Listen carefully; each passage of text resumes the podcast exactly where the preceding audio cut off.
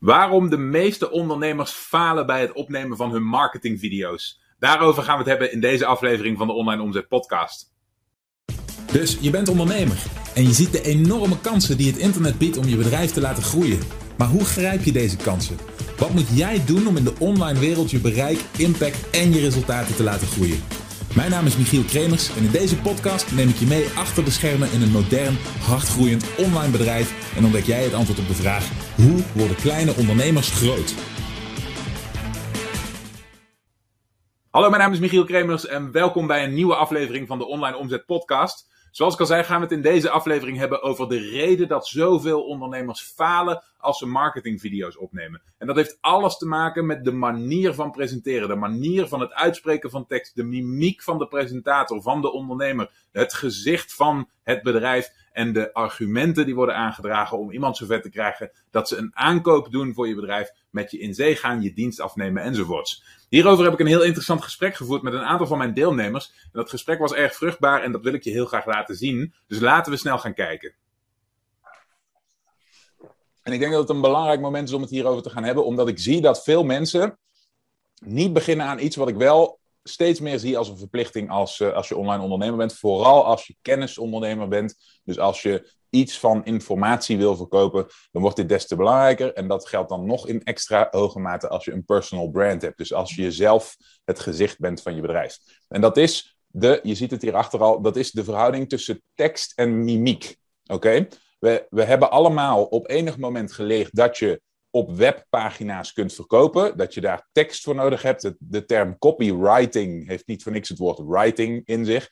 Maar het probleem daarvan blijft altijd dat je probeert pardon, om menselijke emoties en argumenten over te brengen op een geschreven manier. Oké? En een mens moet, om daar iets mee te kunnen, een enorme vertaalslag maken in zijn hoofd van wat die letters in sequentie op volgorde uh, betekenen in de vorm van woorden, wat die woorden in sequentie op volgorde betekenen in de vorm van zinnen, wat die zinnen bedoelen in de vorm van paragrafen en hoe dan zo'n hele tekst opgebouwd wordt. En als je nagaat de mate van energie en moeite die het een mens kost om de boodschap te filteren uit geschreven tekst. Hè, er zijn hele interessante onderzoeken naar gedaan. Dan kom je erachter dat dat helemaal niet zo gemakkelijk en vanzelfsprekend is. Het is niet voor niks zo dat we er als kinderen jaren over doen om het überhaupt te leren, het een beetje fatsoenlijk te kunnen. En wat wij nu proberen vervolgens als ondernemers is om op de emotionele argumenten bij mensen, de emotionele argumenten die dus alles te maken hebben met dit soort expressie, oké, proberen wij in te gaan met zo'n lastige, ingewikkelde, droge vorm van communicatie. En je, je, als je het me zo hoort zeggen, dan realiseer je je waarschijnlijk al dat dat niet de meest laagdrempelige manier is. Dus als je nog niet bent begonnen met je marketingmateriaal gieten in de vorm van video, dan bij deze vandaag de uitdaging voor je om dat zo snel mogelijk wel te gaan doen. En waar ik het vandaag over wilde hebben, is de manier waarop je het dan presenteert. Want het is al moeilijk genoeg om als je copy schrijft, hè, als je copywriting doet, om daarin te zorgen dat je het hebt over emotionele argumenten. We willen altijd de emotionele kant van, het van, het, van de mens, van, van de aap, willen we aanspreken. En niet het rationele uh, denken. Dus niet de rationele kant. Want die rationele kant, ook weer hele interessante onderzoeken hebben uitgewezen dat de mens zijn keuzes niet maakt op basis van rationele argumenten. En één heel interessant onderzoek daarnaar uh, was het, een, een, onderzoek waarbij ze mensen keuzes lieten maken tijdens het doen van MRI-scans van de hersenen. En wat daaruit bleek, is dat de keuze op het moment dat we hem maken, dat doen we heel snel. Bij bijna iedere keuze doen we dat heel snel in een fractie van een seconde. En lichten altijd het emotioneel, het gedeelte van het brein wat, wat uh, verantwoordelijk is voor de emoties, lichten op. En veel later lichten daarna het onderdeel van het brein op wat verantwoordelijk is voor de ratio. In andere woorden, ook als mensen denken een rationele keuze te maken, dan is eigenlijk de keuze al gemaakt op basis van emotie en komt het rationele gedeelte van het brein daarna om de hoek kijken om die emotionele keuze, bij wijze van spreken, recht te praten. Om het voor onszelf te rationaliseren, zoals dat ook wel heet. En dat is een kant van de werking van de mens die we niet kunnen negeren op het moment dat wij een doel hebben voor onze marketing. Oké?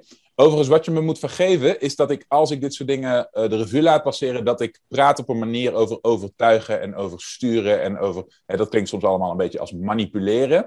Alsof dat iets negatiefs zou zijn. Dat is natuurlijk niet zo. Al dit soort dingen beginnen bij het feit dat je een product of een dienst hebt die iemand kan helpen. Maar als ondernemer kun je die verantwoordelijkheid om iemand te helpen alleen nemen als je daadwerkelijk klanten weet binnen te halen. Vanaf dat moment is het aan jou om je verantwoordelijkheid te nemen. Vanaf dat moment is het aan jou om ervoor te zorgen dat je klant ook daadwerkelijk krijgt wat jij belooft, wat jij denkt waar te kunnen maken. Maar tot dat moment moet je er alles aan doen om die klant überhaupt te krijgen. En dan kun je het je dus niet permitteren om alles af te laten hangen van rationeel taalgebruik. En als je dat rationele taalgebruik dan ook nog in de vorm van rationeel droog geschreven tekst presenteert, dan krijg je het heel moeilijk. Oké?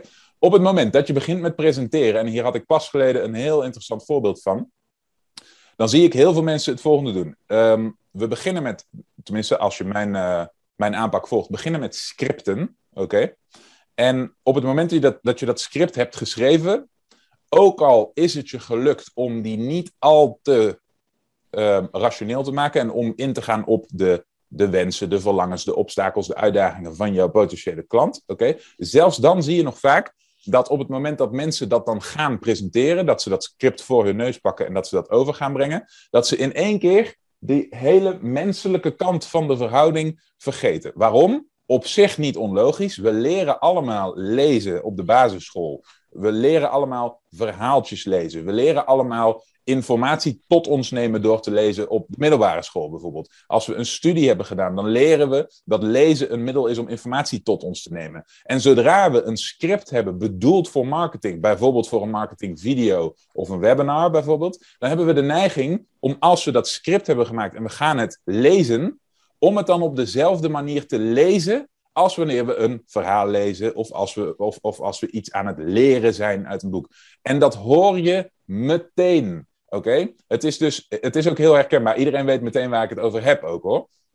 Want op het moment dat jij iemand hoort die iets opleest, weet jij meteen dat die persoon iets opleest. Oké? Dat is on, uh, dat is on, hoe noem je dat? On, uh, dat is niet te, te ver, verwarren. Je weet meteen dat die persoon niet improviseert. Je weet meteen dat die persoon um, door de, de tonaliteit in de zin, door het stijgen en dalen van de tonen, dat die iets opleest. Nou, om je duidelijk te maken wat ik daarmee bedoel, wilde ik vandaag, en hoe je dat dus dient op te lossen, wilde ik vandaag een klein stukje van een van mijn eigen nieuwe scripts pakken. En je laten zien wat ik bedoel met het probleem en hoe je dat oplost. En het doel van deze kleine gedachteoefening is dat je uh, dit gaat oefenen. Want dit is niet iets wat je van de ene op de andere dag kan. Dit is iets wat je moet leren. Dit is iets wat je meerdere keren de revue moet laten passeren. En dit is iets waarbij je, of waarbij, waarop je bij jezelf heel kritisch moet zijn. Een voorbeeldje is als volgt. Ik val even midden in een van mijn eigen scripts. Wij zijn bezig met het uh, bouwen van een marketingcampagne voor de barrièrebrekers. En de barrièrebrekers, dat kennen jullie allemaal, want dat is onze, onze ledensysteem. En eens even kijken. Dus even kijken of ik een mooi stukje kan vinden.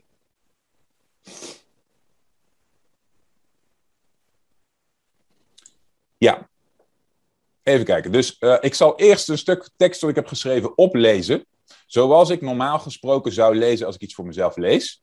En vervolgens zal ik het oplezen op de manier waarop je het dient op te lezen uh, als je iets presenteert voor een doelgroep. Wat als er iemand was die nu al in jouw toekomst leeft, leeft en er een internetbedrijf runt wat duizenden of zelfs tienduizenden euro's per maand genereert? Iemand die in jouw droomhuis woont, jouw droomleven leeft, jouw droombedrijf runt. Wat zou je die persoon dan vragen? Daarover had ik het iets meer dan één jaar geleden met mijn goede vriend en top internetondernemer Robert-Jan Hendricks. Wij hebben beide los van elkaar meerdere bedrijven opgebouwd tot boven de 1 miljoen euro. En het grootste inzicht wat wij hebben geleerd op de weg naar succesvol online ondernemen, was dat jouw toekomstige zelf, die persoon die jij wil worden, die persoon die al bereikt heeft wat jij wil bereiken, dat die persoon bestaat. Laten we eerlijk zijn. Succesvolle mensen zijn niet zeldzaam. Er zijn niet voor niets hele wijken van steden vol villa's en hele gebieden in de wereld die uitpuilen van de dure vakantieresorts. Er zijn automerken die nooit een model onder de 100.000 euro produceren. En dat geldt overigens ook voor een aantal horlogemerken en kledingmerken. Dat betekent dat hun doelgroep zich dit stuk voor stuk kan permitteren. Er zijn scheepswerven die privéjachten bouwen voor miljoenen euro's per stuk en die werven liggen nooit stil. Rijke mensen zijn er in overvloed. Succesvolle mensen zijn er in overvloed. Topondernemers zijn er in overvloed. En om zelf ook dat niveau te bereiken, om door je barrières te breken en je aan te sluiten bij de echte successen, is er maar één ding nodig. Je moet met ze in contact treden. Je moet dicht bij ze komen. Je moet van ze kunnen leren. Oké, dit was een stukje tekst uit een van mijn nieuwere scripts. Wat ik nu heel erg duidelijk, ik heb het een klein beetje overdreven, heb voorgelezen. Bijna zoals je een kinderboek voorleest aan een kind. En wat ik merk is dat als, als ik helemaal als ik met mensen privécoaching doe en we, we werken aan scripts en dat soort dingen. En ze gaan voor de eerste keer aan de slag daarmee. En ik geef ze als opdracht dat ze hun eigen script in moeten spreken. Dan krijg ik dit terug. Oké? Dat is op zich niet raar, want dit is hoe we het leren. Dit is hoe we, hoe we voorlezen. Dit is hoe we lezen aan zich. Nu ga ik het nog een keer doen. Op de manier waarop het, de, waarop het bedoeld is.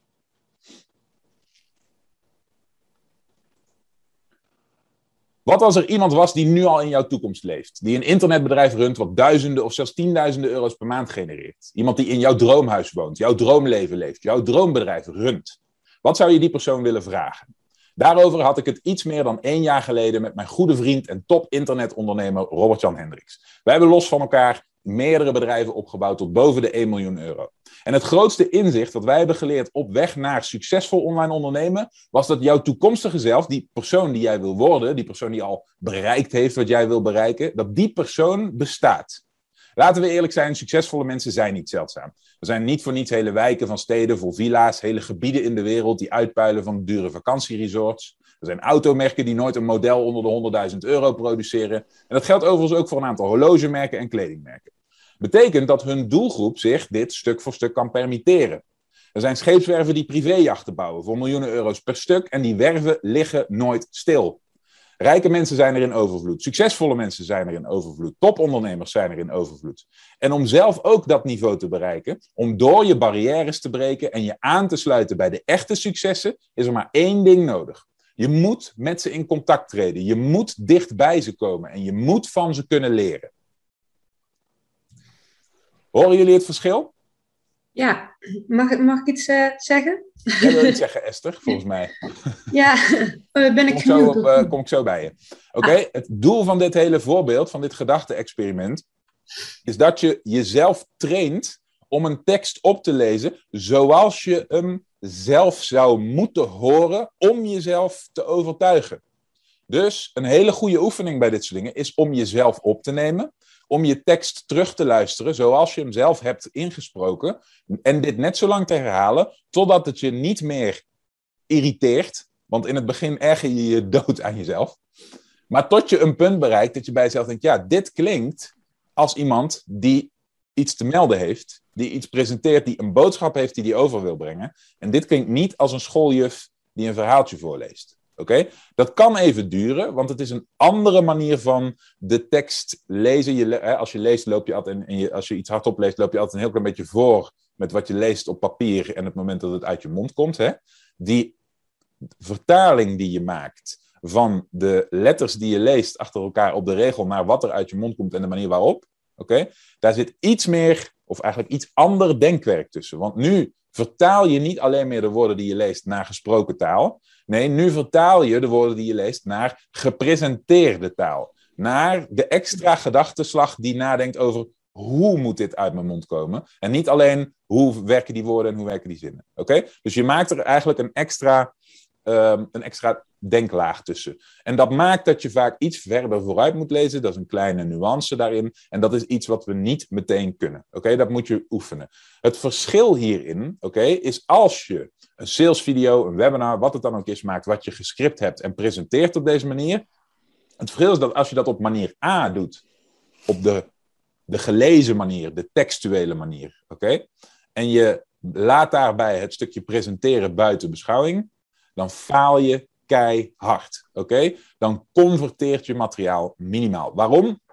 Omdat het voor mensen ongelooflijk moeilijk is om op het moment dat jij iets voorleest en het klinkt als voorlezen, om daar dan uit te destilleren wat voor hun het belang is. Het is heel moeilijk, je moet er maar eens opletten als je naar iemand luistert die overduidelijk voorleest. Het is heel moeilijk om, er dan, om jezelf er dan in te verplaatsen. Het is heel moeilijk om dan jezelf als het leidend voorwerp te gaan zien. Het is heel lastig om het dan als realistisch te gaan ervaren. Oké? Bij een schooljuf die een verhaaltje vertelt, hoeft dat niet.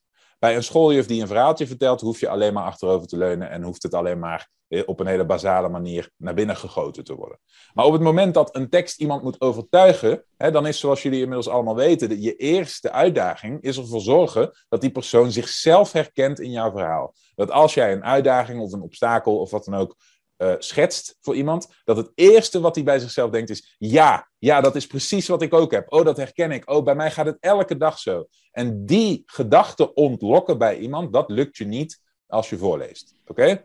Dus de moraal van het verhaal van vandaag is dit, is dit punt. Als je nog niet bent begonnen aan het creëren van marketing video, hè, dus ofwel salesvideo's, webinars, presentaties, noem het maar op. Als je daar nog niet mee bent begonnen, dan is nu het tijdperk aangebroken dat je daar niet meer omheen kunt. We kunnen nu niet meer volledig afhankelijk blijven van geschreven teksten. Oké? En dan is nu je uitdaging daar een begin mee te maken. En als je dat dan doet, is je doel om het zo te doen. Om ervoor te zorgen dat je die mimiek erin meebrengt. Dat je de tonaliteit onder de knie krijgt. Dat je klinkt als iemand die presenteert, dat je niet klinkt als iemand die leest. Oké, zoals je ziet is het bij het maken van een marketingvideo heel erg belangrijk om goed te letten op de manier waarop je spreekt. Het is heel belangrijk om er zorg voor te dragen dat je niet te veel gaat oplezen en dat de luisteraar niet het idee krijgt dat jij iets aan het oplezen bent. En zoals ik in het voorbeeld van deze video al aangaf, zit er een heel groot verschil tussen hoe bij wijze van spreken een schooljuf een tekst voorleest aan kinderen en hoe iemand die overtuigend presenteert spreekt. Op het moment dat je een tekst voorleest en je houdt daarin heel erg rekening met de komma's, met de punten, met de pauzes, met de afstanden van de regels, de witruimte, dan krijg je automatisch een heel erg gemaakt en een heel erg voorleesachtig resultaat. En dat is funest voor een marketingvideo. Wat ik merk is dat veel ondernemers überhaupt nog niet begonnen zijn aan het maken van marketingvideo's, dat ze te veel blijven leunen op tekst en wat we steeds meer zien, is dat mensen niet zo gevoelig zijn voor tekst als dat ze gevoelig zijn voor mimiek, voor communicatie vanuit een ander persoon, vanuit een mede-primaat. Dus doe jezelf een plezier. Begin zo snel mogelijk met het opnemen van marketingvideo's train jezelf om je scripts daadwerkelijk te presenteren en niet voor te lezen. En let daarbij op de punten die we in deze video hebben besproken. Als je bij jezelf denkt, hey, dit zijn punten waar ik moeite mee heb. Dit zijn dingen waar ik hulp bij nodig heb. Dan kan het zijn dat een van mijn programma's iets voor jou is. Ga dan naar onlineomzet.com slash interesse. Dan kijken we of we iets voor elkaar kunnen betekenen. Ik zie je natuurlijk heel graag weer terug in de volgende aflevering. Bedankt voor het luisteren. Heb je iets aan deze aflevering gehad of heb je een vraag? Laat het me weten via de comments. En vergeet niet te abonneren. Dan blijf je op de hoogte van alle tips en strategieën waarmee jij als moderne ondernemer groot kunt worden. Voor een overzicht van alle afleveringen ga je naar onlineomzet.com/podcast.